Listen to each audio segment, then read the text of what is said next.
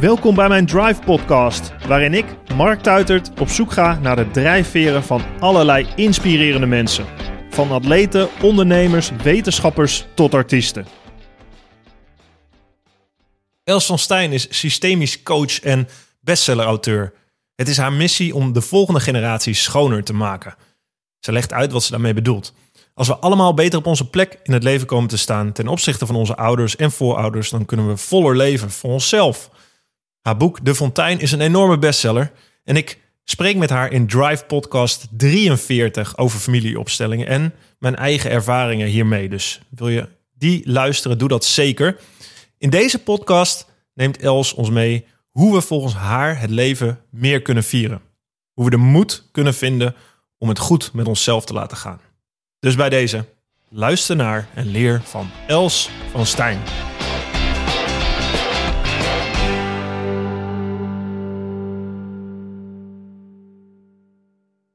Ik heb leuk nieuws. Ik heb een nieuw boek geschreven. Flow, de Stoïcijnse mindset voor een rijkelijk stromend leven. De Stoïcijnse flow staat voor mij voor je niet terugtrekken uit het leven, maar juist voor het aangaan van het leven. Het omgaan met conflicten, chaos, tegenslagen en je soepel daardoorheen te bewegen. Ik haal mijn inspiratie wederom uit de Stoïcijnse filosofie, maar ook uit inspirerende ondernemers, sporters, artiesten en een aantal van mijn Drive podcast gasten zoals jullie die kennen. Irene Wust, Els van Stijn, Jozef Aubelkas, Bojan Slat, Annemiek van Vleuten. Ik hoop dat dit boek jou helpt om jouw eigen levensflow te vinden. De trainingen in flow zijn ontworpen om je eigen persoonlijke levensfilosofie vorm te geven. En ik denk dat dat nodig is, zodat je beter richting kunt vinden in je eigen leven. Wil je een gesigneerd exemplaar van Flow ontvangen? Bestel hem dan via marktuitert.nl/slash flow op mijn website. Ik hoop dat je het heel gaaf vindt. Ik vond het heel leuk om te schrijven. En ik hoop dat jij het heel leuk vindt om te lezen en dat je de trainingen gaat toepassen in jouw leven.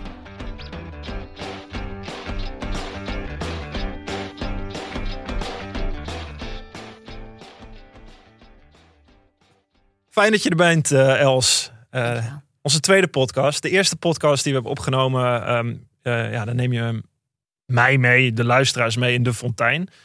Um, dat is jouw boekenserie. Jouw nieuwe boek is uit. Vier je leven. Nou, laten we het leven gaan vieren in deze podcast. Dat lijkt me een hele mooie uitdaging. Heerlijk. om te beginnen, kun jij mij kort meenemen wat De Fontein inhoudt? Ja. Nou, de fontein is eigenlijk de metafoor die ik gebruik om jouw plek te duiden.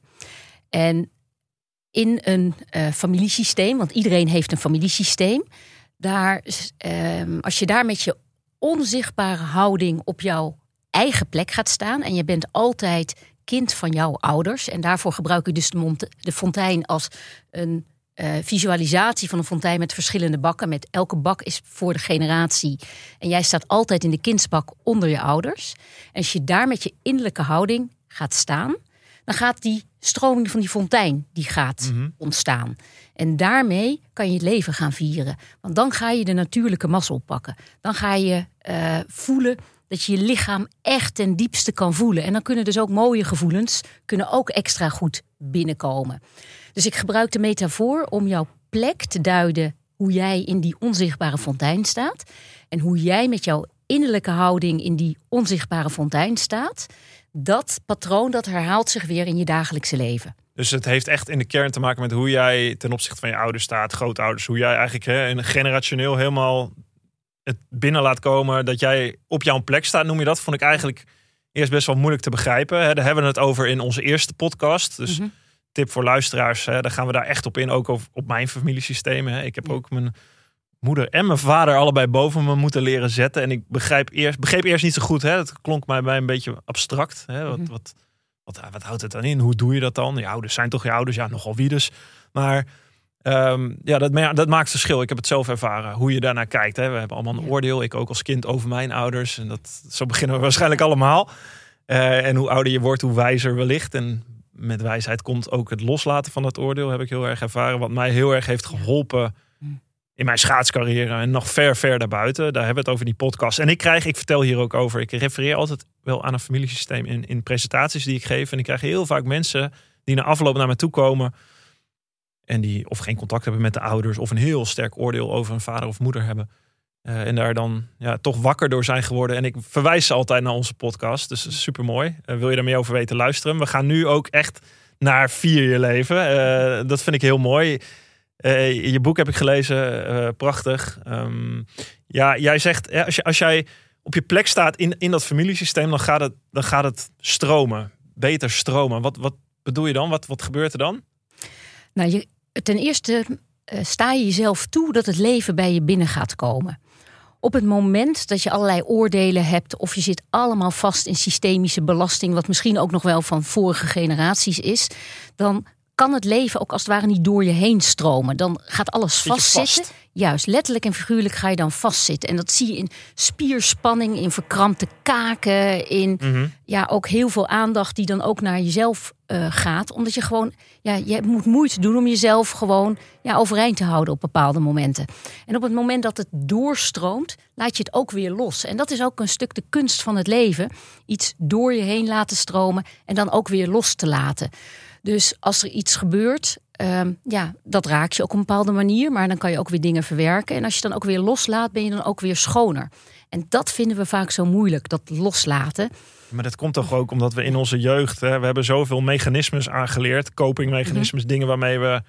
Ja, ten eerste, volgens mij is hè, dat, dat, dat zijn de filosofen het vaak ook al over eens. Dat vind ik dan weer heel leuk om dat ook zo te zien. We hebben een soort drang ten diepste van binnen om te overleven. Dat ten eerste. Ja. Als we er niet meer zijn, dan mhm. kunnen we het leven niet vieren, maar dan houdt alles op. Mhm. Dus overleven. Ehm, eh, en daarna groeien, uh, gezond worden uh, en jezelf goed leren gaan. wat jij ook omschrijft, dat, ja, dat zijn pas natuurlijk, dat komt later. Ja. Dus de eerste jeugd, waar je ouders natuurlijk heel veel tegenkomt, waar je wordt gevormd. Dat bepaalt dus, dat vind ik zo fascinerend, hoe wij ons later gedragen, hoe wij dus vast komen te zitten ook. Het zijn patronen die we in onze jeugd en in, mhm. in contact met anderen kunnen aanleren, die ons later niet meer, ja, die misschien op dat moment nuttig zijn, maar die ons later niet meer helpen.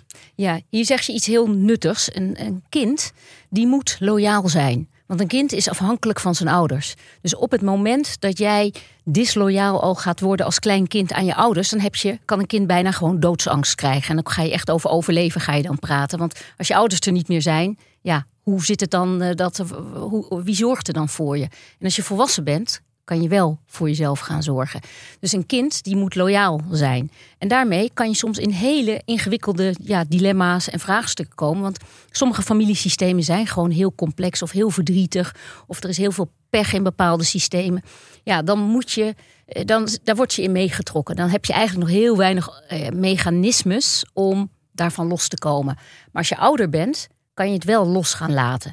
Maar dat betekent dat je misschien wel ontrouw aan je familiesysteem moet worden. Dat je jezelf toestaat dat het jou goed gaat, terwijl het niet goed gaat met iemand die ook heel dierbaar is. Of een dat, voorbeeld? Um, nou, als je stel dat je iemand hebt of een, uh, dat er heel veel ziektes in een familiesysteem zitten. En jij hebt precies de mazzel dat het jou, nou, je bent gezond, fit en wel. En dan is het vaak heel moeilijk om dan vol dat leven te pakken. Want je voelt je zo schuldig dat het verschil tussen jou en die ander zo groot is. En dan zie je heel vaak dat mensen op de waakvlam gaan staan. Dat ze zich maar inhouden. Of uh, maar uh, niet alles uit het leven halen wat erin zit. Want je wil, zeker als je jong bent, een gemiddeld eh, kind, die wil niet anders zijn dan, ja, dan de mensen uit zijn familie. En dan maakt het dus dat je jezelf ook ja, klein houdt. En dat is compleet logisch en ook volledig in orde voor een kind. Maar als je echt volwassen bent en groot bent, ja, dan kunnen dat soort patronen je nog heel erg tegenhouden in het leven. Ja, wat kom je tegen in, in jouw praktijk? Wat, wat, wat zie jij om je heen? Hoe, hoe, um, hoe zitten mensen vast? De, nou, ze zitten vast in de patronen zoals jij in die fontein bent blijven staan. Dus heb jij heel erg een oordeel over je ouders, dan zul je merken dat je over iedereen en alles ook heel snel een enorm oordeel hebt. Of, en ook dus over jezelf. Had jij dat? Ik had uh, wel op een bepaalde manier had ik iets, uh, een, een, oordeel over mijn vader. En dat heb ik gelukkig volledig los kunnen uh, laten. Want ik zie dat hij ook weer ja, een systemisch lot heeft, zoals ik dat dan noem. Sorry dat ik je onderbreng, maar wat vond je van je vader? Wat was dat oordeel? Ik was, ik was boos op hem. Ik, ehm, ik had eigenlijk, verweet ik hem dat hij mij niet zag. Maar als ik heel eerlijk ben, ik zag hem ook niet. eigenlijk, een, een mens is een package deal. Al het mooie, het minder mooie en alles waar je naar verlangt en ze niet kunnen geven. En ik zag eerder wat er niet was en wat hij niet kon leveren. Wat was dat dan? Ehm, nou, hij was eigenlijk altijd aan het werk. Hij was innerlijk ook op een bepaalde manier eh, ja, niet altijd bereikbaar. Dus hij was dan wel fysiek misschien aanwezig. Maar dat wil niet zeggen dat je echt aanwezig bent. Had je knuffel, gaf hij wel knuffel, Ook had je echt contact heel- met hem? Nauwelijks. eh, meer luchtkussen. Ehm, maar ik heb ondertussen ook gezien dat hij een bepaald ja, systemisch lot heeft. Ehm, je bent als mens ben je veel meer verbonden met dat familiesysteem van herkomst dan je eigenlijk doorhebt. En daar, heeft, daar kan je een lot hebben. In hetzelfde gezin kan het ene kind kan het heel goed gaan, de andere kan compleet zwaar lot hebben met zelf, misschien zelfs ook wel neigingen tot zelfmoord. Net zoals jouw moeder eh, die Ja. neiging natuurlijk ook had. Ja. En dat is puur willekeurig hoe dat destijds is eh, ja, verdeeld eigenlijk bij de geboorte, laten we het zo maar zeggen.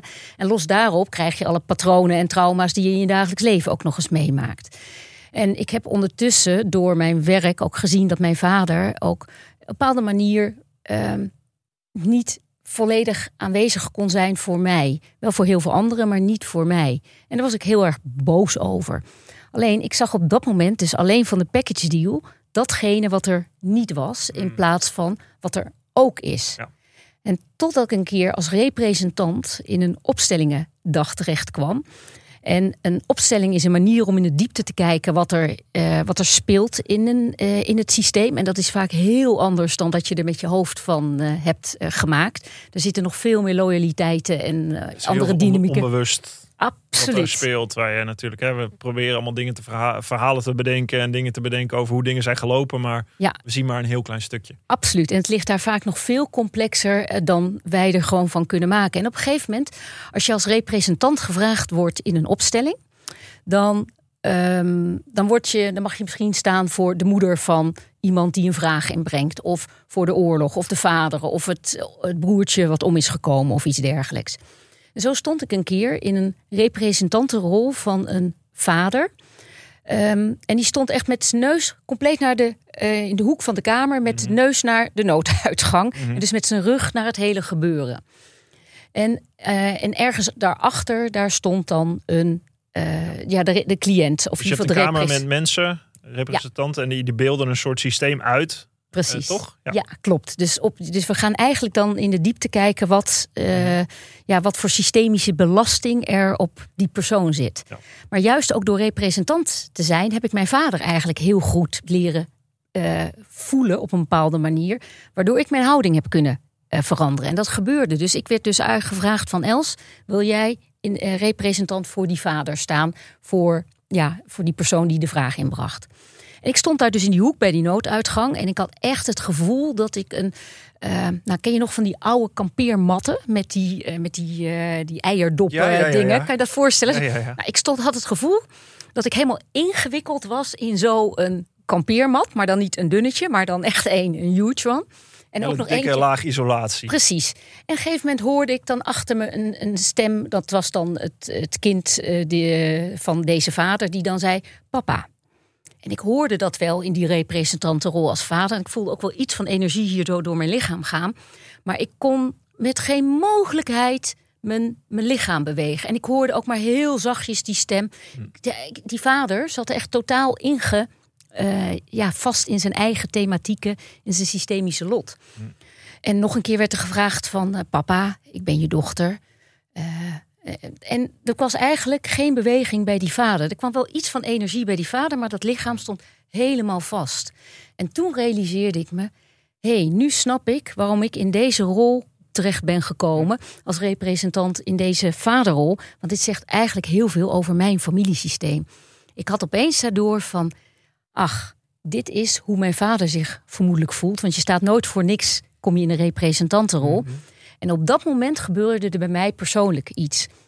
En toen, want ik was eigenlijk die dochter die ook het eh, gevoel heeft, ja, papa ziet mij niet. Ja. En ik had altijd het gevoel, ik ben niet goed genoeg, ik ben niet slim genoeg, ik ben niet leuk genoeg, ik ben niet knap genoeg. Nou, verzin alles wat je over jezelf kan zeggen. Ja. En toen opeens had ik van, ja, maar dit heeft niets met mij te maken. Het is geen onwil dat die vader niet kon omdraaien. Het is gewoon onmacht. Ja, Die staat onmacht. gewoon zo vast in zijn eigen trauma's, Ja. in zijn eigen systemische lot. Dat heeft helemaal niets met mij te maken. Maar als kind heb je vaak, eh, denk je eigenlijk altijd, het ligt aan jou. Want daarmee kan je ook nog een stuk valse hoop in stand houden dat er nog iets kan gaan veranderen. Ja. En hier, nu weet je gewoon, Ja, of dat jij inderdaad, als het aan jou ligt, dan kun je jezelf nog veranderen. Waardoor, dan dan kun je de situatie veranderen. juist, Of je wil je ouders redden. juist, daarom. Ik, En mijn moeder, ik dacht, ik ga mijn moeder redden. Ik ga mijn moeder helpen. Of ik Ja. ga mijn vader helpen als kind. Hè. ja, Ook eh, geleerd dat dat niet altijd de meest, nou ja, Nou, het is niet van jou. Dus je kan, dat, je kan nooit iets oplossen wat niet van jou is. Maar het mooie is dus dat door zo'n representantenrol... ik eigenlijk, ik stond dus in een opstelling van een ander... Ja. maar ik werd volledig positief geraakt in mijn eigen thema... waardoor ik mijn vader totaal op een andere manier ben gaan zien. En op dat moment kon ik ook met mijn innerlijke houding... de hele package deal van mijn vader zien. Dus ook het mooie ook de, de kracht en de enorme veerkracht die hij in zijn leven heeft, omdat hij ook te maken heeft met een bepaalde ziekte, waardoor hij iedere keer weer iets moet inleveren en toch zijn waardigheid iedere keer weer terugpakt. Toen dacht ik van, wauw, ben ik trots op mijn vader. En toen kon ik opeens de hele package deal van mijn vader zien. Dat minder mooi dat hij mij niet kon zien en bepaalde dingen ook niet kon leveren die ik absoluut misschien wel gemist heb. Dat eh, kon ik opeens in een veel breder perspectief zien. En daardoor veranderde iets bij mij en daalde ik dus af eh, naar mijn plek in de fontein. wat heb je gedaan toen? Ehm, Richting je vader? Eigenlijk, eh, eigenlijk gebeurt dat automatisch. Ik heb niet iets anders gedaan, maar ik ben met een. Als ik dan met mijn vader op bezoek ga, eh, ging in het, eh, ga in het eh, verpleeghuis. Ik ben er met een totaal andere houding ben ik daar gaan zitten. Hmm. Eigenlijk van, ja, jij bent de grote, ik ben de kleine. En eigenlijk met de innerlijke houding, jij mag mij hebben als dochter. Terwijl daarvoor had ik zo van, ja, als jij mij niet ziet, nou, dan, eh, dan, dan wil ik eigenlijk ook geen dochter zijn. eh. Nou, als je je inner- ik hoor je, hè, je innerlijke Mm. houding, dat is wel grappig. Dat ik, ik, ja, ik denk dat dat het enige is wat je uiteindelijk in het leven misschien wel echt kan beïnvloeden. Je innerlijke houding, hoe jij ergens naar kijkt. Dat Mhm. is zo krachtig. Ja. Ook heel moeilijk. Ehm, als je zegt, wat, wat is het verschil dan tussen die innerlijke houding? Hoe, hoe trad je eerst naar je vader toe en hoe daarna? Wat, wat, Ja, nou die eer, eh, in het begin was het veel verstarder. En je gaat eigenlijk dan ook eerder selectief waarnemen. Dat je je aandacht eerder gaat van, zie je wel, nee, hij ziet me weer niet. Hij onderbreekt me weer. Of hij, eh, Ja. hij gaat weer lopen ja, letterlijk hij figuurlijk onderbreekt je en dan weg. denk ja, zie je wel. Zie je- hè, Precies. God. En nu was ik eigenlijk in staat om dat hele beeld te zien. En daardoor ben ik eigenlijk ook weer zuiverder gaan waarnemen. Mhm. Want er zat een stuk oude kindspijn, zat er dan nu niet meer tussen. Dus daardoor zijn bepaalde filters waarmee ik dan naar de wereld kijk, die zijn. Hoe daardoor- oud was je toen, toen je dit begreep? Ehm, nou, ik ben sinds 2008 ben ik met systemisch eh, werk eh, bezig. En wanneer was dit? Nou, ik denk 2010 of zo, denk ik. Ja, zoiets denk ik. Nou, geen ja, misschien een jaar meer, minder. Iets dergelijks. Ja, grappig, ja. En het mooie is, sindsdien ja, is er bij mij ook echt zoveel moois gebeurd. En ik heb natuurlijk nog meer thema's eh, heb ik, eh, aangekeken. Mhm. Maar ik merk hoe dat mijn hele, eh, ja, mijn hele leven heeft beïnvloed. Want ook, ik ben daardoor ehm, ook veel meer... kan je in contact komen met jezelf, met wie je echt bent. Want op het moment dat je nog eh, het gevoel hebt... dat je nog eh, allerlei... Nou, dat kan dus zeggen, als je onverwerkte thema's hebt... Dan Ja, Gaat dat ook was voor heel jou de veel boosheid dat je bij je vader, maar ook kinderloos zijn. Ja, precies. Dat zijn ook thema's die Daar inderdaad. Je over. Ja. Ehm, dus je hebt een aantal dingen die, waar je eigenlijk inderdaad, hè, als, Ja. dat je, nou ja, inderdaad halverwege je leven ergens, dat je echt, je bent volwassen geworden, je komt verder in je leven en op een gegeven moment kom je erachter, Hm. hey, shit, het zit in mezelf. Heel veel dingen waar ik tegen vecht. Precies. Juist, Ik vecht tegen mezelf. juist. Ja. En dat kan je, en daarmee kan je dus een hele hoop oplossen. Systemisch kan het ook zijn dat je soms dus ook nog vastzit in dynamieken die, eh, die nog veel ouder zijn van de vorige generaties. Mhm. Want al het onverwerkte en on, ehm, ja, datgene wat buitengesloten wordt in vorige generaties, dat wordt doorgegeven aan de, de volgende generaties. En dat heb je vaak niet eens door. Dus dat Ik heb zou je, willen, exact willen weten hoe dat zit. Maar dat, Ja. zeg jij, dat dat is. laten ehm, rusten. nou, alles willen weten, het, het maakt als je zo'n patroon zichtbaar maakt in een opstelling en gewoon erkent dat een bepaalde geschiedenis zo is gegaan zoals die is gegaan, Mhm. dan komt er rust in het systeem. Als je bijvoorbeeld kijkt in de Tweede Wereldoorlog, hebben ook een, een, een flink aantal mensen die heeft voor de kant van de Duitsers gekozen. Ja. En dat zie je vaak ook nog dat in de generaties daarna, dat de kleinkinderen daar soms ook nog volledig onder lijden. Eh, schaamte, eh, dat ze bang zijn voor overheden om gepakt te worden. Of door, eh, nou, hier praten we niet over dat opa en oma bij de NSB zaten. Terwijl ehm, dat is de geschiedenis, dat hoort bij de geschiedenis van dit familiesysteem. En alles wat weggedrukt wordt, dat gaat systemisch ongeveer doorgegeven worden naar de volgende generatie. Om het als, als het ware op een bepaalde manier nog zichtbaar te maken, waardoor het erkend wordt. Dus het hoeft niet opgelost te worden, Ja. Maar het iets moet erkend worden dat het zo is gegaan. Want als het niet gebeurt, dan wordt die volgende generatie daarmee belast, zeg je. En ehm, hoe werkt dat? Volgende generaties die belast worden? Ja, het kan eh, op heel veel verschillende manieren doorwerken. Maar een voorbeeld wat je soms ziet is dat. ehm, ik krijg van een cliënt bij me die zegt van ik heb eigenlijk een enorm oordeel over mijn moeder. Stel. En, eh, en ja, mama, dus gewoon, ja, en uh, gaat altijd weer in die slachtofferrol. Altijd gedoe. Iedere Ja. keer trekken we er weer uit en ze dondert weer in dat moeras. En Ja. iedere keer weer slachtoffer. Dus dan zitten ze bij mij aan tafel zuchtend en steunend. Zo van, nou, pff, helemaal gat. Maar dan hebben zij een oordeel over de moeder. En je kan wel gelijk hebben, alleen die fontein houdt geen rekening met ethiek. Maar het vraagt wel iets van iemand. En wat ik dan soms zichtbaar kan maken, is dat. ehm, wat ik duidelijk dan als eerste maak, is dat wie horen er bij jouw familiesysteem? En dat zijn ook daders en slachtoffers die gemaakt zijn door jouw familie of door andere families. En dat ga ik uitleggen. Stel, iemand heeft in jouw familie per ongeluk iemand met een gewoon een heel stom ongeluk, auto-ongeluk, per ongeluk iemand anders eh, die is overleden daarbij. Want nou, er gebeurde iets en die andere, dat is dus de het slachtoffer en de dader zit in jouw familiesysteem. Dan komt die slachtoffer, die komt bij jou in het familiesysteem Ja. erbij. Ja. En in het andere familiesysteem komt de dader erbij. Hm. Nou, dat is natuurlijk geen bloedband, maar ze horen wel bij je familiesysteem. En een van de wetmatigheden in een familiesysteem is dat iedereen en alles die erbij horen, die horen erbij. En alles wat wordt buitengesloten, daar krijg je gedoe over. Dus dat kan gaan over mensen, maar ook over hele geschiedenissen. En stel nu ehm, dat die moeder waar ik het net over had, die altijd in de slachtofferrol valt. Dit kan zijn dat die zogenaamd onbewust geïdentificeerd is met die persoon die slachtoffer is gemaakt door iemand uit deze familie. En dat kan soms generaties terug, kan de dader al zitten. En dan volg je ook altijd iets van dat patroon van eh, waarmee je onbewust bent geïdentificeerd. Dus in dit geval ook met slachtoffer zijn. Nou, en dan heeft dus die moeder heeft het systemische lot gekregen dat zij de onbewuste identificatie met die slachtoffer van dat auto-ongeluk heeft gekregen. En dan, ga je, en dan volg je eigenlijk altijd iets van dat patroon van waarmee je onbewust bent geïdentificeerd. En je zorgt ook dat het jezelf niet goed gaat. Ja. Nou, als ik dit soort dingen uit kan leggen aan een cliënt, van goh, jouw moeder die is, zit in zo'n systemisch lot, en dat kan ik door middel van een opstelling kan ik dat zichtbaar maken, Ja.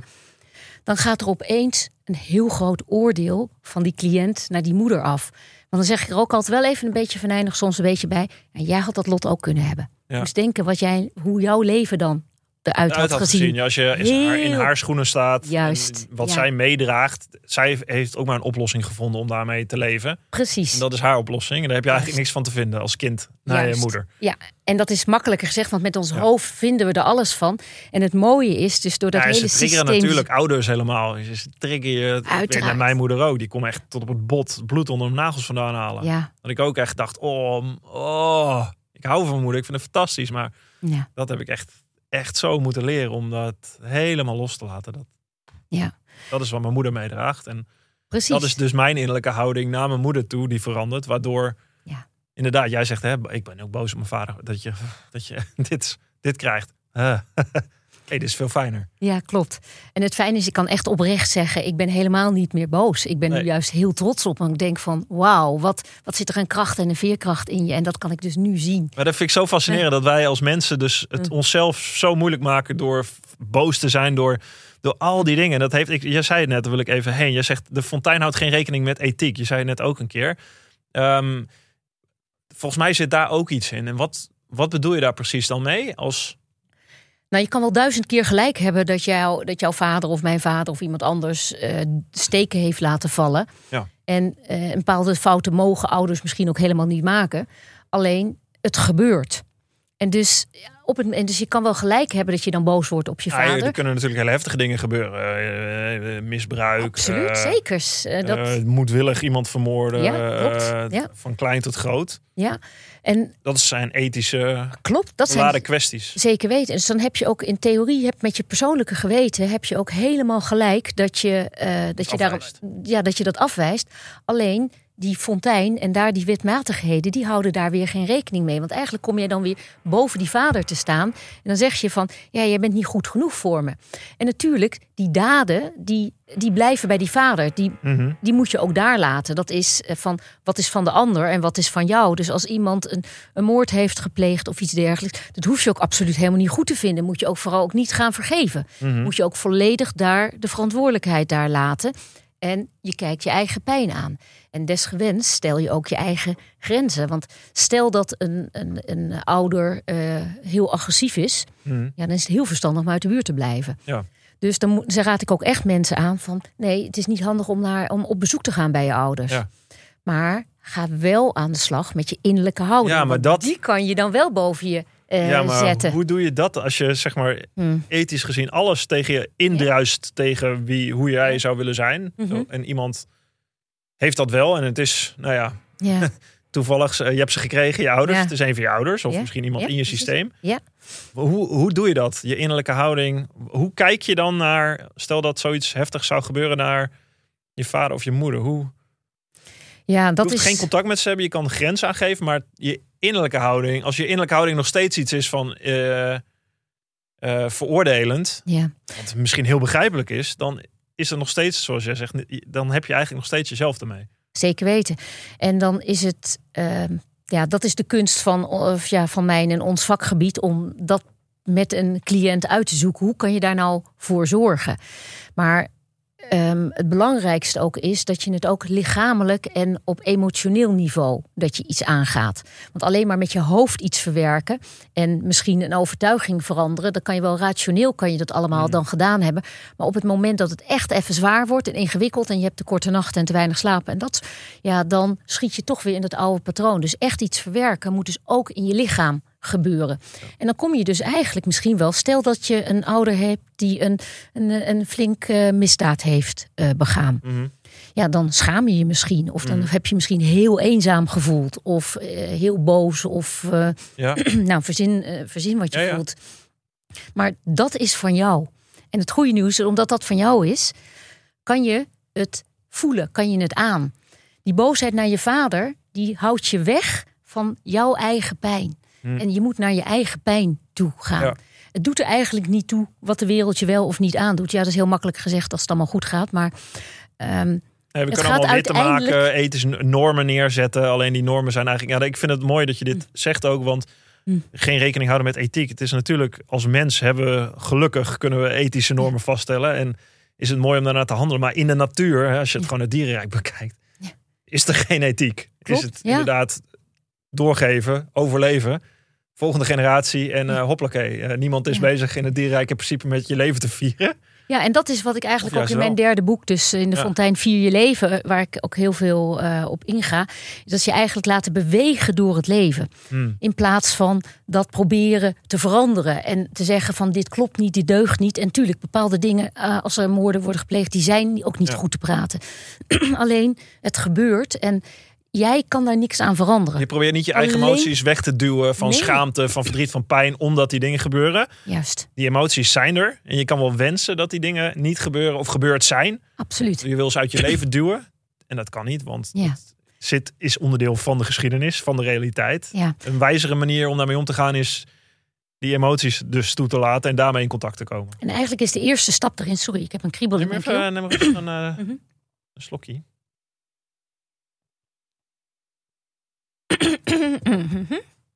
Excuus voor mijn gekriebel. Ik ben er weer. De eerste stap hierin is ja zeggen tegen de situatie. Dus je weerstand tegen dat moment opgeven. Ja. Dus eigenlijk, hoe behandel jij het nu?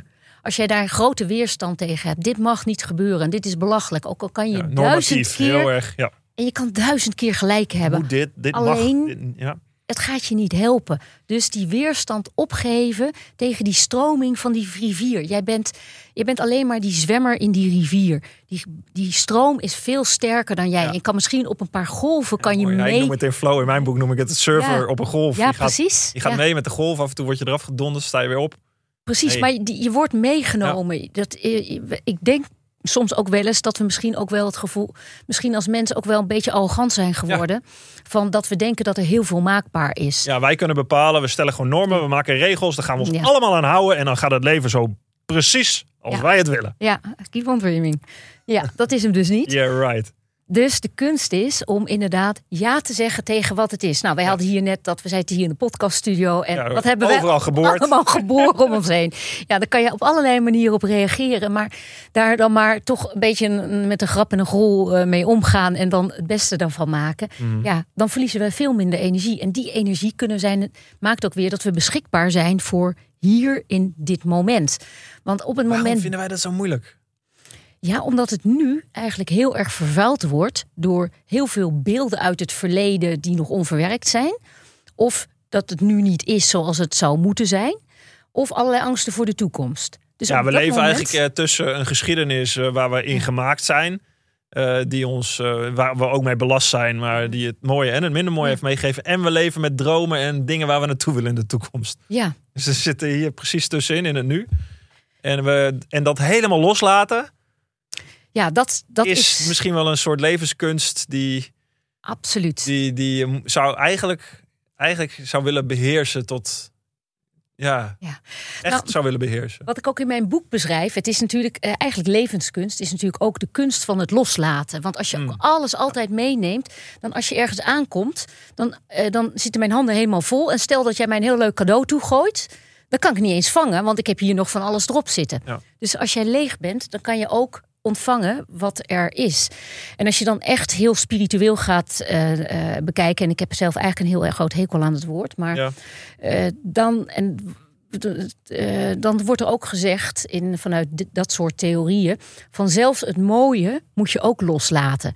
Want ook als je het mooie constant weer herbeleeft, Ja. dan ben je eigenlijk ook minder in het hier en nu ben je beschikbaar. En dat is vaak ook heel moeilijk. En ik zo en ik heb ook ik, ik herinner het me wel af en toe dat ik soms mooie dingen loslaat, maar pas op momenten die eigenlijk een beetje leeg zijn of die eh als ik in de file sta en ik sta echt stil of zo, dan kan ik even wat terug herinneren naar mooie leuke herinneringen. Maar ik probeer steeds meer ehm, om echt hier gewoon aanwezig te zijn. Ik verlang je altijd om ergens anders te zijn dan waar je nu Precies. bent. Als je iets heel moois hebt, denk ik, oh, ik wil daar naartoe, daar naartoe. En dan ben ik dus veel minder beschikbaar voor het contact wat wij hier hebben. Ja. Want het ont- contact staat hier. En juist ook in die ogen. Ook heel veel mensen die hebben, die zijn ook, als je ook naar ze, goed naar ze kijkt, dan zie je als het ware dat die ogen eigenlijk meer naar achter en naar binnen gericht zijn. Mhm. Er zijn, zitten nog best wel ook. Eh, kunnen ook onverwerkte thema's in zitten. Maar op het moment dat je steeds schoner bent, merk je ook dat die blik ook vaak ja, Dat is jouw missie, toch? Ook. ja, een, een stuk van mijn missie. Mijn missie is natuurlijk volgende generaties systemisch schoner en minder belast te laten zijn. Want dan kunnen ze dus meer hun energie besteden aan wat, eh, waarvoor ze het echt willen inzetten. In plaats van allerlei thema's die eh, nog aangekeken moeten worden. Hoe kom je bij die missie uit? Hoe, want je schrijft ook in je boek, hè? Je hebt, Hm. eh, we hebben allemaal ergens een missie, ergens eh, een ego natuurlijk, hè, waar we mee eh, genoegdoening zoeken, bevestiging zoeken, liefde zoeken. Ehm, wa- wa- wat is dat? Kun je daar iets over zeggen? Hoe, hoe, hoe krijgen we dat in een soort balans? Hè, dat we niet ons overprofileren, ook niet daaronder spelen, maar dat we Mhm. een soort natuurlijke manier onszelf kunnen zijn en, en dat gaan doen wat we echt diep van binnen willen doen? Ja, nou dit is ook wat ik in, in het derde boek ook een stuk beschrijf. Is eigenlijk, het heet je, je vier je leven. Ja. Voor je je leven kan vieren moet je dus eerst... Ja, het is wel heel handig als je gewoon goed op jouw plek in die fontein staat. Want dat Mhm. betekent dat je al heel veel thema's hebt aangekeken. stevig? Dan, eh, En dan pak je inderdaad de, Ja. de, de, de positieve patronen. Die gaan zich dan herhalen in plaats van die hardnekkige, de negatieve. En dan kan je dus ook steeds zuiverder voelen van wie ben jij? En dan voel je ook van ja, dat je eigenlijk ook steeds meer verbonden bent met eh, ja, het grotere, hoe je dat ook ervaart of ziet. Ja. Maar dan kan je eigenlijk pas echt, je hebt alle franje en alles eh, eromheen weggebeiteld van wie ben jij? Dat heb ik ook pas echt op latere leeftijd heb ik dat kunnen doen, nadat ik zelf heel veel thema's heb aangekeken. En toen kwam ik eigenlijk bij mijn essentie, bij wie ik ben. Dus ik ga kijken naar momenten in mijn leven waarin ik eigenlijk die hele mooie versie van mezelf ben. mhm. Dan kwam ik eigenlijk uit bij mijn essentie van is dat ik het heel graag iets wil laten doorstromen. Zodat mensen zich vrijer voelen en dat er liefdevolle momenten ontstaan. Hm. Als ik kijk naar alle momenten, dus dat ik helemaal in en in gelukkig ben, dan is dat het wat ik doe. En dat blijkt dus mijn essentie als mens te zijn. En je missie is daar vervolgens weer een vertaalslag van. Dus mijn missie is volgende generaties systemisch schoner en minder belast laten zijn. En die past dus in iets laten doorstromen, vrijer zijn en ook liefdevolle momenten creëren. Ja. Maar je moet dus eerst wel ja, bij die essentie komen. Doen mensen dit? Hoe kom je bij die essentie? Hoe kom je, hè, het kan een heel lang proces zijn Ja. natuurlijk, met allemaal dingen die je tegenkomt. Ik merk het bij mezelf als topsporter, ben je natuurlijk helemaal gericht op winnen. Ja. Wil je één ding behalen en daar doe je alles voor, dan ben je Mm. eerst ontzettend ambitieus. Daarna leer je inderdaad jezelf beter kennen, jezelf sturen, waardoor je nou, voor mij effectiever. Ik heb ook Mhm. de issues aangekeken met mijn ouders, waardoor Ja. ik eh, minder boos werd, kalmer werd en een betere schaatser werd als bijproduct. Dat was Ja. fijn. Ja. Ehm, alleen ja, dan, nu zit ik veel meer. En dat komt ook wel door mijn podcast. Ook doordat ik hele interessante mensen spreek en een heel divers leven leid. Maar ook ouder word. Ja. eh, kinderen heb. Is dat het natuurlijk de connectie met andere mensen maken. Of het nou hier met jou is vandaag in deze podcast. Mhm. Of het voor een zaal met mensen is. Of het voor mijn naast is. Dat, ja, dat vind ik een veel. Dat die, die, die dimensie in mijn leven Ja. heeft veel meer waarde gekregen. Ja. Daar ben ik zo blij mee. Dat is Ja, kijk eens nu wat zo met ver mee weg van, van, van topsport. Het is er nog steeds. Die performance is er nog tuurlijk. steeds. Die drive is er nog heel erg. Mhm. Maar die connectie is erbij gekomen. En daarna zoeken. Ja, en je ziet ook wat er meteen in je gezicht gebeurt. Dat wordt heel levendig. Het wordt Ja. heel, ja, enerzijds zit er rust in, maar anderzijds ook heel energiek word je, eh, word je ervan. En je ziet nu eigenlijk dat je essentie, die over het algemeen, die openbaart zich pas als je iets, eh, ja, iets wat van levenservaring op hebt gedaan. Ja. Want je moet op een gegeven moment ook jezelf leren kennen. Wat vind je nou wel en niet leuk? Waar gedij je bij en niet? Ja. Maar als ik bij jou ook zo kijk, van, ja, als, er, als jij iets kan creëren, dat scheppen, dat, die creativiteit ergens ook. En dat kan je in gesprekken doen, kan je in podcasts doen. Ja, daar boeken. lijkt in boeken. Ja. Dan moet je kijken wat er dan met jou gebeurt. Ja. En dat zie je dus, dat je daar nu ook heel veel vervulling uithaalt. En dat wil niet zeggen dat je geen vervulling hebt gehaald uit het schaatsen. Tuurlijk heb je vervulling gehad. Maar ik denk dat je nu, als je gewoon puur kijkt naar, het aantal momenten dat jij vervuld bent, Mhm. dat, die, dat, dat dat aantal hoger ligt, dat soort momenten, dan toen je aan het schaatsen was. Ja, oh, diepere, diepere Ja. vervulling denk ik. Ja, en ik denk precies. ook dat dat... Of het schaatsen en topsport. Dat vind ik het mooie van schaatsen en topsport. En ook van gedrevenheid, wat ook in mij zit. Is dat je... Dat was voor mij althans het geval. Dat ik echt deze thema's moest aankijken. En hiermee aan de slag moest. Om überhaupt Mhm. heel goed te worden in wat ik graag wilde doen. Schaatsen. Ja. Mij weer, weet je, nog beter mijn schaatsen slijpen. Maakte mij geen betere schaatsen meer. Nog beter mijn trainingsschema uitvoeren. Ook niet. Beter slapen, beter eten. Ja. Nee. Whatever, dat, dat maakte me geen betere schaatser. Het maakte me een beter schaatsen door een meer vervuld mens te zijn inderdaad. Door, hè, je, dat vind ik een mooie titel ook, Vier Leven. Door, door dat aan te kijken en ook te weten inderdaad. Weet je, natuurlijk heb ik ook, eh, ik heb allerlei kanten. Eh, Dat Mhm. hoort er allemaal bij. Dit Ja. ben ik. Mhm. Eh, ik ging ook op de gekste momenten op mijn smoel. Ik, ik heb ook af en toe momenten en ik denk, hè, waarom doe je dit nou? En dan, maar ja, hey, Mhm. dat is who I am. En da- daarmee in het reinen komen, of dat, dat accepteren op Mhm. een of andere manier, dat is ehm, ja fijn. Jij schrijft het in je boek. Je hebt het moed om bevoorrecht te zijn ook. Heb het moed. Met een D. Met, ja, ja, dat, ja dat, dat, dat is zo ja, essentieel, maar dat is zo moeilijk. Waarom is dat, dat? Dat is, als je het weet en je doet het, is het, is het misschien makkelijk of klinkt het makkelijk.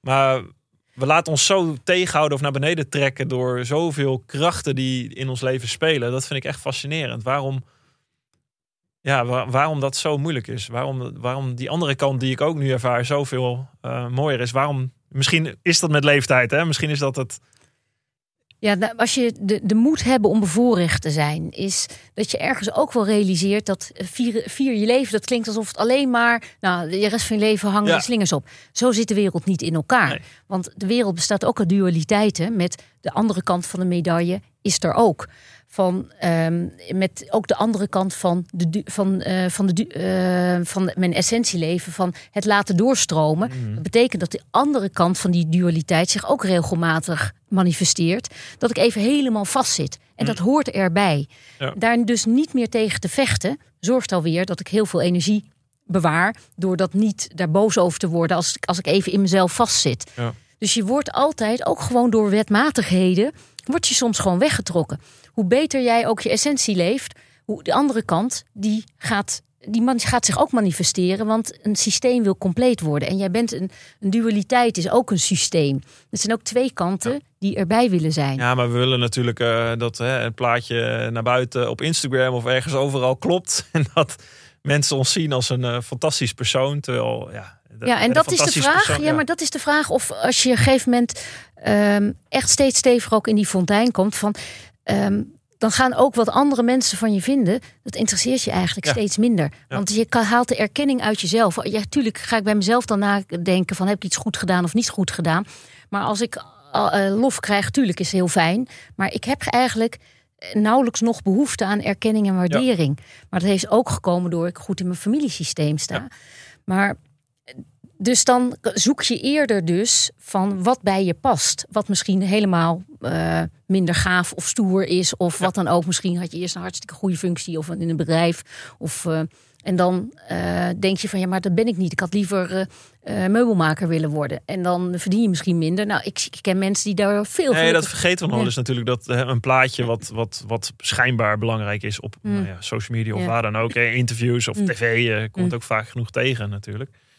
Um, dat je, weet je, je kan het inzetten. Alleen je moet wel heel goed beseffen dat dat maar zo'n klein gedeelte is. Is ook zo. En andere hoort er ook bij. En dat ja. moet. Dus vier je leven. Dus als er iets te vieren is, wees daar dan ook wel bewust van dat je voorspoed hebt. Dat je hartstikke op die heerlijke golf staat te, uh, te, te surfen. En dat alle puzzelstukjes op de juiste momenten in elkaar klikken. Ja. Want daarna gaat het toch ook weer even anders worden. En ook daar ja tegen zeggen. Uh, dat hoort bij het leven. Dat is ook bewogen worden door het leven, is gewoon meegenomen worden. En ja, ook vertrouwen dat het leven je brengt waar je terecht moet komen. En ik merk hoe meer ik die overgave heb van vertrouwen op dat het leven het beste met me voor heeft. Ja, ik krijg constant op de juiste momenten krijg ik de juiste uitnodigingen. Of dan is er iets opeens beschikbaar of wat dan ook. Dat ik denk van wauw, hoe is het mogelijk? Dat ik echt. Uh, ja. ja. ik heb, ik, ja, intuïtief weet ik een aantal dingen uh, die, ik, die ik herken. Ook uit, ook uit topsport. Dat je, het gekke is dat je. Als je een heel hard een wedstrijd wil schaatsen, dan doe je heel erg je best om alle facetten onder de knie te krijgen. Alleen als je het daadwerkelijk moet doen, mm -hmm is loslaten heel belangrijk. Moet je niet er tegen vechten. Dan moet je er maar vanuit gaan dat je wat je weet, weet. En dat er gebeurt, gebeurt. Ja. Eh, de resultaten proberen af te dwingen maakt alleen maar dat je verkrampter gaat opereren. Dat het juist niet gaat gebeuren. Dus dat vind ik de mooie paradox. Is inderdaad het loslaten, het laten gebeuren. Ja. Het leven vieren, nemen zoals het is. Met alles wat daarbij hoort. Hoge pieken, diepe dalen, alles.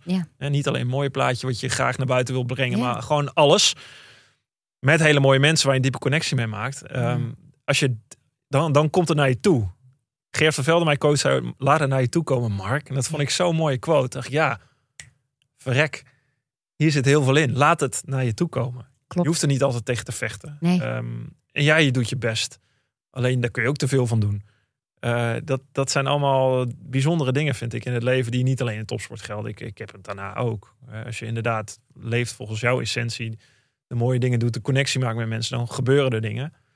En die kun je niet sturen. Sterker nog, het wordt mooier als het juist Precies. overgeeft en juist. juist. niet wil sturen. Ik leef nu een leven wat ik niet verwacht, eh, wat ik nooit verwacht had te zullen leven. Ja. En natuurlijk, ik heb ook geworsteld met kinderloosheid en verdriet en de frustratie. En heel boos op mijn lichaam geweest omdat het allemaal niet werkte en, en al dat soort dingen.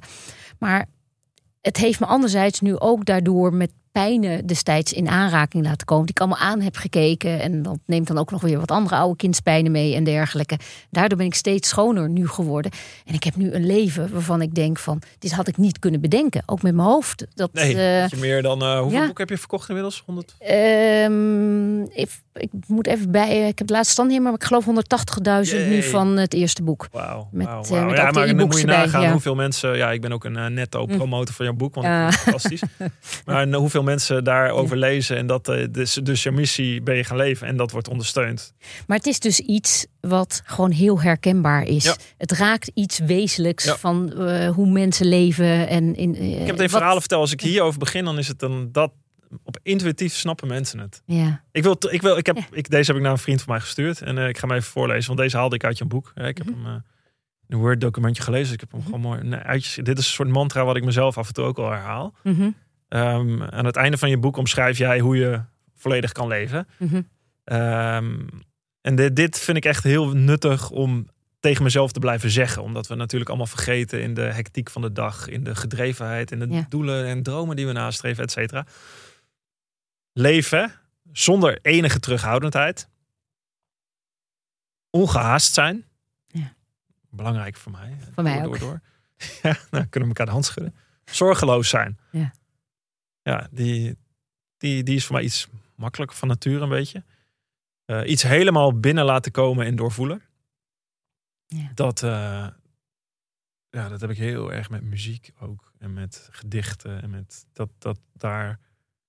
Hoe meer ik dit ga doen, hoe meer muziek ook bij mij binnenkomt, bijvoorbeeld. ja. mhm, Vind ik ook heel mooi om te ervaren. Ehm, met mijn hart helemaal geopend.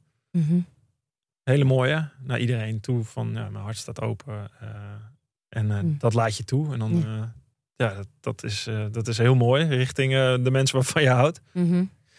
Eh, zonder een poging indruk te maken. Ja, ja, ja. Ja, dat, eh, dat gaat steeds beter. Dat is natuurlijk als je twintig jaar bent, een en al indruk maken, op de rot staan en, eh, Logisch. en iedereen willen ja, Mhm. topsport bijna vernietigen. Dat klinkt heftig, maar zo werkt topsport. En eh, dat hoort er deels blij. Maar dat is ook natuurlijk een, een vorm van indruk maken of proberen te maken. Eh, mijn oordeel uitstellen of oordeelloos blijven. Ja. Ja, ja, vind ik een hele mooie. Zit ook heel erg in Stoïcijnse filosofie, waar ik zo'n fan van ben. Ook in Socratische vraagstelling. Ehm, waar, waar ik af en toe, eh, ja, dat doe ik af en toe. Vind ik heel mooi om te doen met vrienden of eh, mensen. Inderdaad, je eigen oordeel ergens uithalen in een gesprek is verschrikkelijk moeilijk, maar ontzettend belangrijk. Ja. Want dat doen we al stiekem met, met de kleine signaaltjes die we zenden. Het, het is ook een illusie om te denken dat je oordeelloos eh, helemaal kan zijn. Maar Ja. ik merk wel hoe meer levenservaring eh, je hebt, dat je ook ehm, eh, je beter kan begrijpen, ook als een ander ehm, egoïstisch is. Bedoel, als je zelf ook allemaal tekorten hebt gehad. In het verleden voelde ik ook bepaalde, dat ik bepaalde tekorten had gehad. Daardoor werd ik ook egoïstischer, want ik moest harder aan mezelf denken. Ja, En op het moment dat ik steeds meer vervuld ben en ja, dan eh, eh, ben ik minder eh, egoïstisch, hoef minder op mezelf gericht te zijn. Maar ik snap dan ook als een ander daar misschien nog wel in zit. Mhm. Het heeft ook te maken gewoon met bewustzijnsniveaus. De ene is een hoger bewustzijnsniveau is niet beter, maar bepaalt wel je kwaliteit van leven, ja. die veel hoger en aangenamer wordt. En ja, dan. eh, ja, hoe moet je dat nou zeggen? Dan, ga, dan gaat het. Ik merk echt door dat ik bewuster ben geworden. En eigenlijk ook realiseer dat ik eigenlijk geen haar beter ben dan ook die idioot die hele stomme dingen uithaalt. Ik doe ook wel eens stomme dingen. Ja. Maar ik, ik ga. eh, maar ik, ik heb nooit een moord gepleegd, ben ik ook niet van plan. Maar ergens kan ik me op een bepaalde manier ook daar ook nog wel ergens in inleven. Dat er situaties zijn dat Ja. dat misschien zou kunnen gebeuren. Ja. Dus dat maakt ook dat je ook weer oordeellozer kan worden. Ja. En natuurlijk, het gedrag, dat kan je veroordelen. Maar de mens die, eh, ja, ik, ik heb mezelf steeds meer gele- aangeleerd om de mens achter alle overlevingsmechanismen, kopingsmechanismen, Mm. systemische dynamieken waar Ja. ze in zitten. Waar we toen straks ook over hadden, die moeder die dan altijd als slachtoffer was. Ja, dat ik daar doorheen kan gaan kijken. En, Ja, want is dat inderdaad, zo kun je zo niet het Mm. beste het leven vieren. Dat je inderdaad, hè, we hebben allemaal een schild om ons heen gebouwd. Met allemaal dingen, allemaal verhalen om ons heen gebouwd. Waarmee we dingen in stand houden. Mhm. Soms nuttig inderdaad, om te leven. Soms heel kwalijk. Dus als we de, de, de, de dingen die ons tegenhouden volledig te leven kunnen afbreken. Die schilden kunnen loslaten. Ja. Als we dat leren, dan kunnen we toch dan kunnen we echt het leven vieren, toch? Absoluut. Eindelijk, En, hè? Ja. En het leven vieren is ook de kers op de taart. Hè. Het is niet als je alleen maar permanent aan het vieren bent, dan is er ook geen bal meer aan. Nee. Dus dat. Dus nee, het maar het ook- leven vieren is juist ook... Ja, Die, volgens mij krijg je een diepere connectie met je geliefde, met mensen om je heen. Juist als je pijnlijke dingen bespreekt of als je moeilijke gesprekken voert of als je bewust bent van bepaalde patronen, toch? Als je dat echt durft te laten... Ja, Ja, wat je laten. eigenlijk dan wat je dan toelaat, is zijn de primaire emoties toe te laten. Hmm. Misschien ook wel dat diepe verdriet en die pijn, die pri op primair emotioneel niveau, dat dat echt verbonden is aan die wond. Als je dat echt ook kan voelen en durft toe te laten dat je dat mag voelen, dan maak je jezelf schoon. En daardoor, als je dat kan voelen, kan je ook de mooie momenten kan je ook nog weer beter voelen. Dus dan kan ook die connectie tussen mensen kan ook nog weer mooier worden, doordat je jezelf ook toestaat om ook het minder mooie te mogen Heb voelen. je daar een voorbeeld van in je praktijk? Ken je een verhaal of iemand, of, of misschien uit je eigen leven, dat je, dat je dat iets je tegenhoudt dat te voelen? Dus dat er ergens een stuk verdriet of pijn niet geuit wordt, waardoor het iets in de weg staat? Nou, als ik naar mezelf kijk in het verleden. ehm, ik rationeel, eh, ik, ik, eh, ik pakte heel veel dingen heel rationeel aan. Dus met mijn hoofd ging ik, eh, ging ik het allemaal proberen te verwerken. Maar toen, Hoe dan? Wat dan? ehm, ja, bepaalde pijnlijke ehm, dingen van. eh, ik heb altijd het gevoel van. ehm, ik, dat ik niet goed genoeg ben. Dat heb ik heel lang heb ik gehad. En ja, mensen die me nu aankijken, die zeggen van joh, doe niet zo raar. En ik tegenwoordig weet ik dat ook wel. Maar ik heb heel lang het gevoel gehad, ik ben niet goed genoeg. En dat gevoel echt tot helemaal hier diep in mijn buik binnen te laten komen, dat hield ik, dat deed ik niet. Dus ik zat hier ook letterlijk en figuurlijk helemaal vast. Dus ik kon het overleven, alleen wat maar. zei je dan? Ik, Ehm, ik ging alleen maar op het mooie ging ik me richten. Of het minder mooie ontkende ik. Ik ging alleen maar met mijn hoofd eh, naar de toekomst. eh, en dus daardoor stond ik... Nou, het verleden wilde ik niet naar kijken, maar het nu ook niet. Want het nu was eigenlijk ook nog niet goed. Dus, dus wat daar, deed je dan? ehm, eigenlijk heel hard werken en alles regelen... en rationeel en praktisch voor elkaar krijgen... van dat de toekomst anders zou worden. Dat heeft me ook wel heel veel opgeleverd. Maar achteraf, als ik nu terugkijk op mijn leven... heb ik heel veel men- momenten... ben ik eigenlijk onvoldoende eh, aanwezig innerlijk geweest. Dus ik echt beschikbaar was voor het moment. Mm. Omdat ik eigenlijk had van ja, het nu is niet leuk. Dat, en het, het moet anders en dit mag niet zo. Waardoor ik... eh, en, en dat durfde ik Mm. Eigenlijk nog niet te voelen. Ik ging, mijn overlevingsstrategie was naar de toekomst. Ja.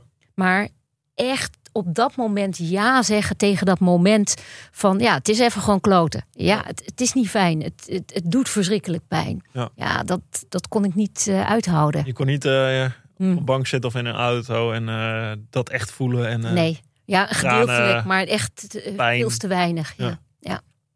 Ja. Hm. Mooi.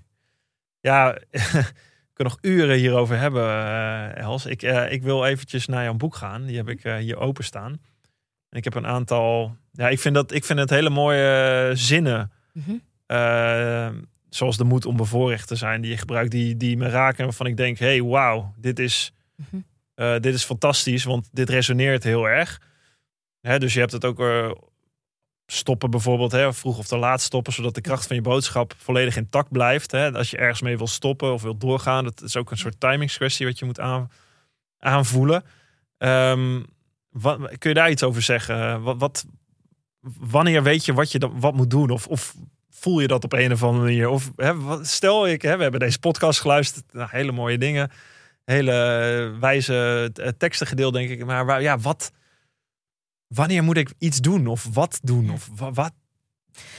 Allemaal Ja. vragen. Ja, en het, eh, ik kan niet voor een, heel erg voor een ander spreken. Ik kan Mhm. wel misschien delen wat mij heel erg geholpen heeft. Ja? En dat is heel goed ook mijn lichaam te blijven voelen. Want dan voel ik wel in het juiste moment wanneer de timing goed is of niet. En wat ik tegenwoordig steeds vaker doe, is eigenlijk wachten totdat de woorden vanzelf komen. Dus ik begin, eh, dus ik voel eigenlijk van ik blijf dan even stil en dan, eh, dan laat ik die woorden als vanzelf ontstaan. Dan weet ik soms niet eens waar ik heen ga. Maar ik vertrouw erop dat als het echt helemaal zo diep van binnen Mhm. komt, dat ik wel ergens heen geleid word. En dat betekent eigenlijk ook als ik me zo dan ja, laat leiden door die beweging. Ik word als het ware bewogen door, door, me, door mezelf, door het leven. En dan komen die woorden er op het juiste moment wel uit. Hm. Dan voel ik eerder al wanneer je kan, ja, wanneer je moet beginnen. En wanneer je moet, wanneer je kan stoppen. Want als je iets te lang ehm, of vast wil houden, Ja. stel een feestje kan heel erg leuk zijn, dus je een geweldig feest. Maar als je te lang door laat gaan, is iedereen op een gegeven moment echt totaal helemaal brak, lam. En dan is het eigenlijk helemaal niet leuk meer. En dan voel je alleen maar hondsberoerd. Ja, moet je niet de volgende ochtend een voetbalwedstrijd spelen? Dat, Dat is niet heel handig, inderdaad. vaak genoeg tegen. Ja. Maar wanneer heb je, ja, wat is dan het juiste moment van, ja, als je eh, te vroeg stopt voor een hoogtepunt, ook niet leuk. Maar te lang rekken is het ook weer niet. En dat is ook de kunst van vier je leven.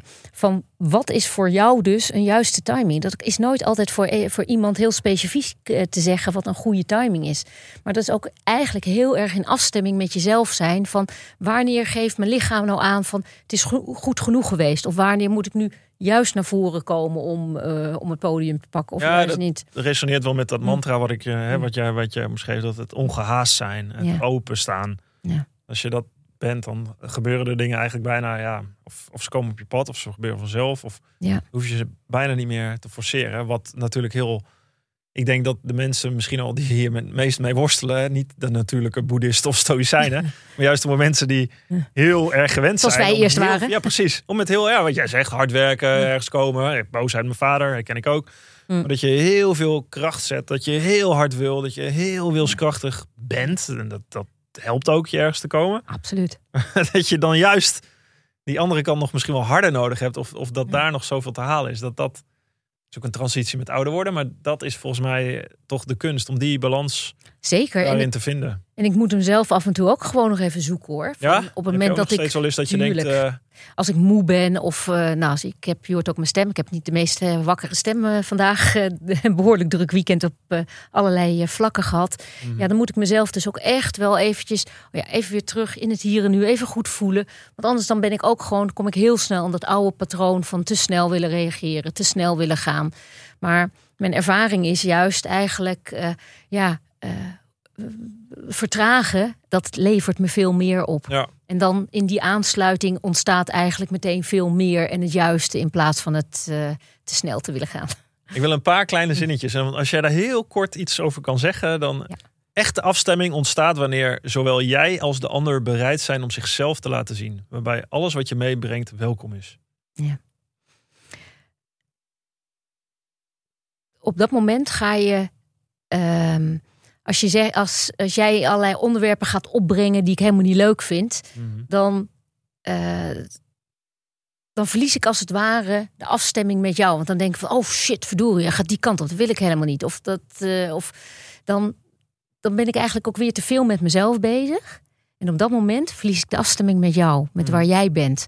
Dus alles wat jij bent, dat bent je, zoals jij hier zit, en het lot wat, jij, wat ook bij jou hoort, daar ja tegen zeggen, dan kan er iets goeds ontstaan.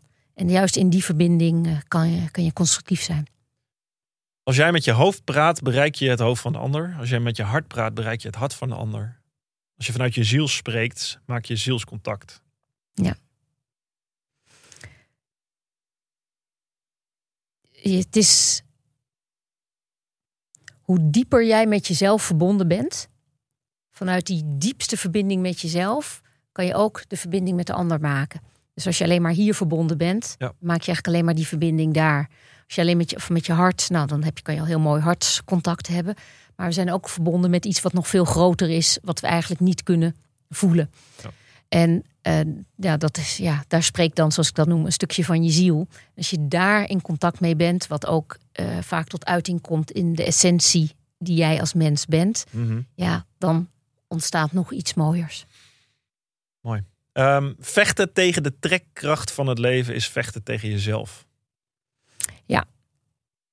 Je kan. eh, het, het leven stroomt. Je wordt elke dag een dag ouder. De, de, de zon gaat elke dag eh, onder. En de volgende dag eh, komt hij gelukkig weer op. Dus het beweegt. Niet staat stil. Dan kan je wel heel hard iets vast willen houden. Of een, of een liefde. Of een, of een bepaalde baan. Of jong willen zijn. Of wat dan ook. Maar dat verlies je.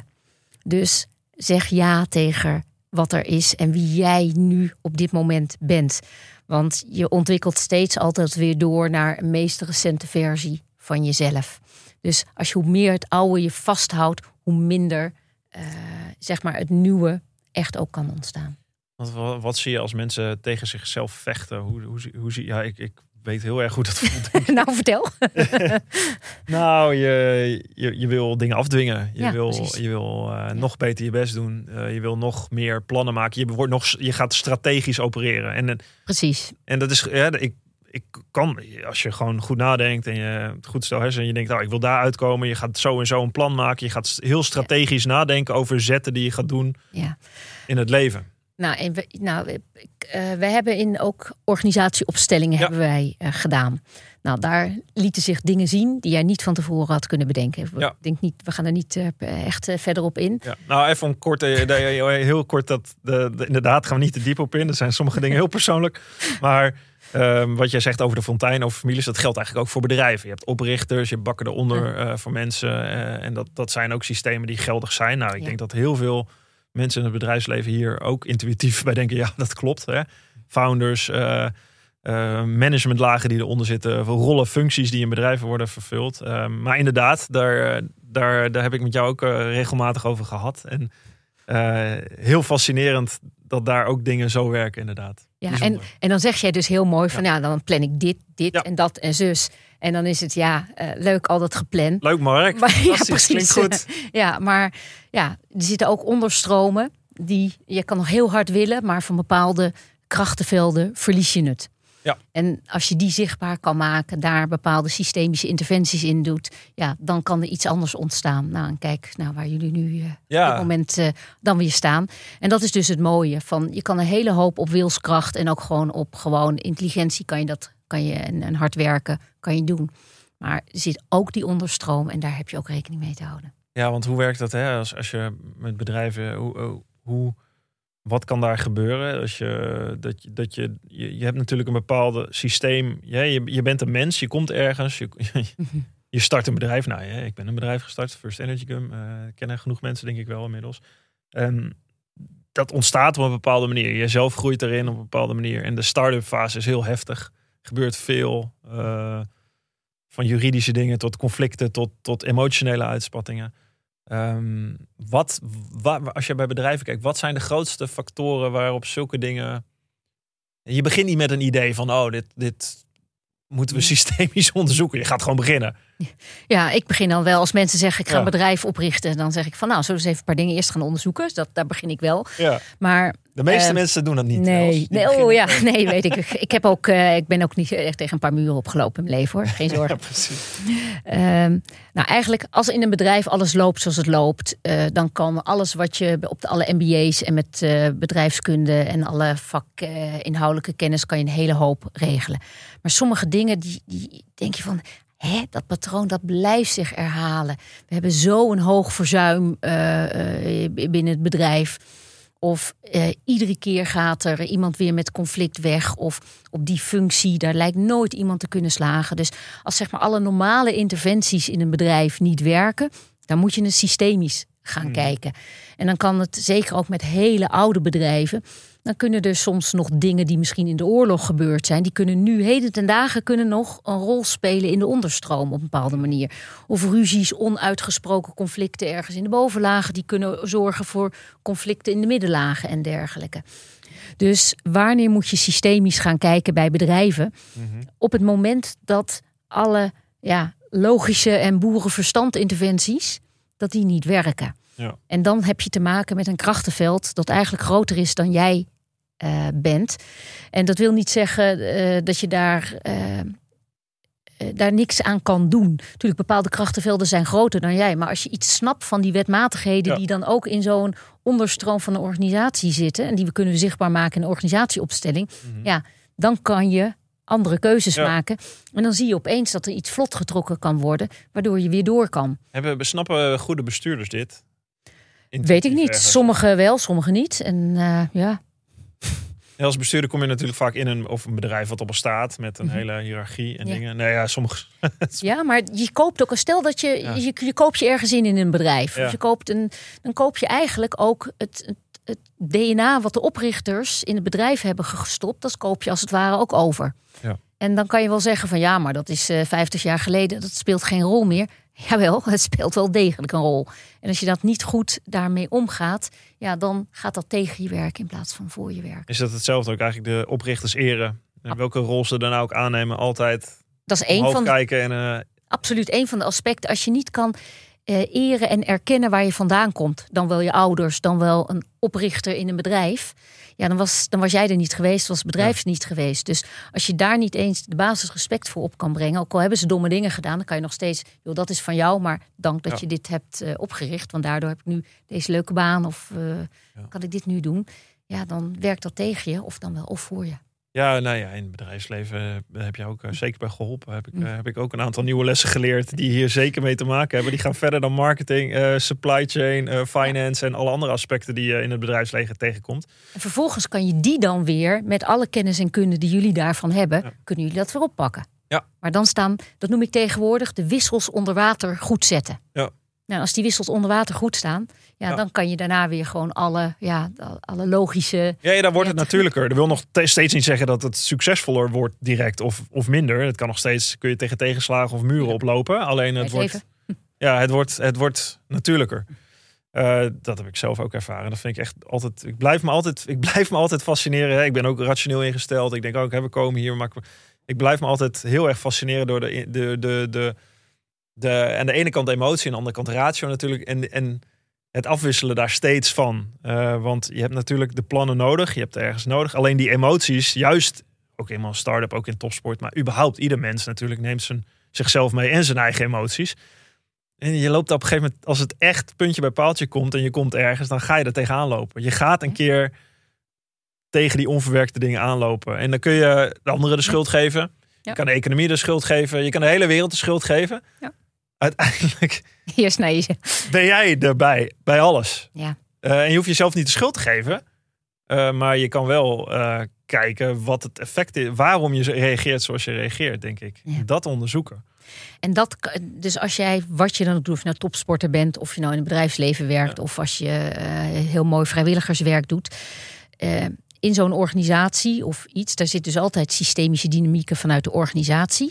Maar je neemt dus ook altijd nog je eigen familiesysteem en je eigen patronen neem je ook nog weer mee. Dus de kunst altijd van de juiste interventies doen, is te onderzoeken op welke laag zit iets? Is dit iets van, eh, van de organisatie of is dit iets van jou persoonlijk? Dat, ja. uh, dat maakt het altijd gewoon heel boeiend. Dus ook met organisatieopstellingen wil ik eigenlijk ook altijd nog de directie apart daarbij coachen ook individueel, want ze moeten vaak ook hun eigen persoonlijke thema's moeten ze ook aankijken. Want als zij daar, ja, een gedeelte kan er misschien wel al veranderen, maar ja, dat patroon hoort er ook bij. Dus de kunst is altijd om te zoeken van ja, een, een dynamiek is altijd gelaagd. Het is van meerdere eh, aspecten. En waar heb je wel invloed en waar heb je geen invloed op? Nou, daar uh, ja, ja, dat even wijze keuzes in maken van waar te beginnen. die mindset uit. Die ja. waar heb je wel in, geen invloed op? Hè? Dat, maar, mooi. Epictetus schreef er al over in de eerste eeuw na Christus. De Stoïcijns filosoof, beroemd. Dat geeft mij altijd heel erg veel rust, die mm. gedachte, dat scheiden. Uh, en uiteindelijk, waar de Stoïcijnen bij uit, vind ik ook altijd prachtig, is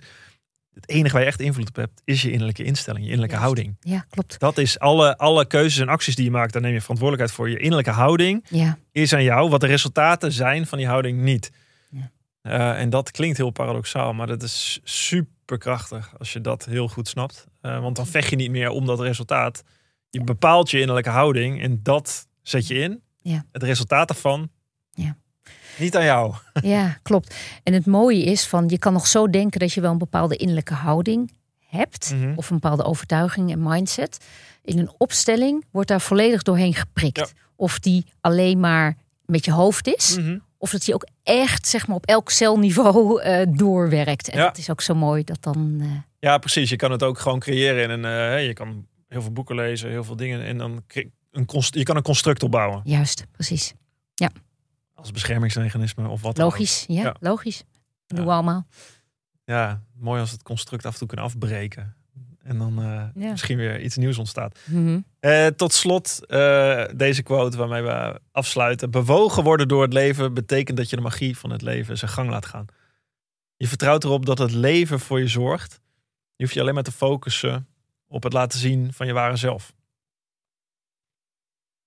Ja, sommige mensen zouden kunnen zeggen dat klinkt egoïstisch, maar dat is het helemaal niet, vind ik juist. Egoïstisch. ehm, ik kom niet direct op het woord egoïstisch. Het is meer. Nee, dus laat ik weer uitleggen wat ik daar zeg Mhm. maar. ja? ehm, ik, ik ben het hier helemaal mee eens. Ik vind het een fantastische quote. Hè, Je vertrouwt erop dat het leven voor je zorgt. Mhm. Ja. eh, door je te focussen op het laten zien van je ware zelf. Dus het is wel gericht op je ware zelf te laten zien. Ja. Dus wat, hè, daar heb ik wel eens discussie over, ook met vrienden. Dan, je zou kunnen zeggen, dan ben je met jezelf bezig. Het is een soort. Oh, zo bedoel je. Ja, Ja. dus als je. Hè, ja. Mhm. Maar dan heb ik juist de discussie dat het ook. Nee, ik, dat geloof ik juist niet. Ik geloof daar zelf in dat hoe meer jij je ware zelf geeft, hoe meer jij te geven hebt aan de wereld. Ja, ik, En ik dan- geloof er ook helemaal in. En daar, dan ontstaat een wisselwerking. Ja. Ik heb veel meer nu te geven dan met de versie die ik hier nu ben. Ja. Dan degene die ik toen nog was met de hoge hotelschool. Die gewoon praktisch allerlei dingen goed kon regelen. Ja. Deze versie kan veel meer geven. Ja, dan is het een soort van, nou, eh, laat ik maar niet eh, te goed zijn voor mezelf. Laat ik mezelf maar een klein beetje kalm houden, klein houden. Laat ik maar in een hoekje blijven van, van het leven. Nee. Terwijl we volgens mij veel meer hebben inderdaad aan mensen die tot leven komen. Juist. Mensen inderdaad het leven aangaan, hoge pieken, diepe dalen, met alles wat erbij hoort. Niet anders zouden willen dan de realiteit is. Ja. Eh, je lot accepteren, li- liefhebben ook als dat enigszins kan. En dat vallen je ouders ook onder. Ja, zeker. Geleerd. Ja. Die hebben hun lot, maar het, zijn, het is ook jouw lot. Ja. Heb je niks over te zeggen. Dus je kan ze maar niet alleen accepteren, maar ook beter liefhebben. En dat bepaalt je innerlijke houding. En als je dat goed hebt staan, dat, eh, dan komen de dingen naar je toe. Absoluut. En dan voel je die magie.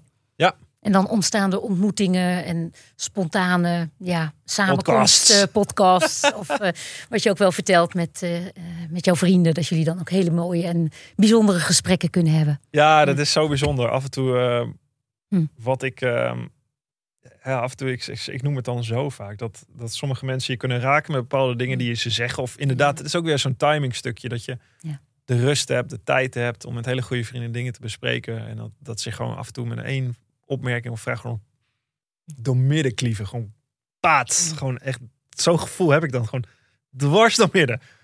Hey, van mij, ook, dan denk je, Ja. kut, ik heb hier gewoon een verhaal gebouwd. Of een construct, een idee. Wat misschien nuttig is, maar wat Mm. niet- gewoon diep van binnen niet waar is. Ja. ja. En dat is knap om dat bij jezelf dan te erkennen. Sorry. Het is knap om dat bij jezelf dan te kunnen er- te herkennen en erkennen. Ja. En dat dan ook los te laten. En dan kan er weer iets nieuws ontstaan. Ja. En dan, als je dan ook durft te laten bewegen met wat zich op je pad aandient. Ja, dat is mooier. In ieder geval in mijn leven en volgens mij jou ook. Dat Ja. je zelf wat kunnen bedenken. Nou, eh, we zullen zien wat eh, op ons pad eh, zich Ja. aandient. eh Els, dankjewel uh, voor deze podcast. En ontzettend veel succes met je, met je nieuwe boek. Via je leven. Dankjewel. Zouden we allemaal moeten doen. Zekers.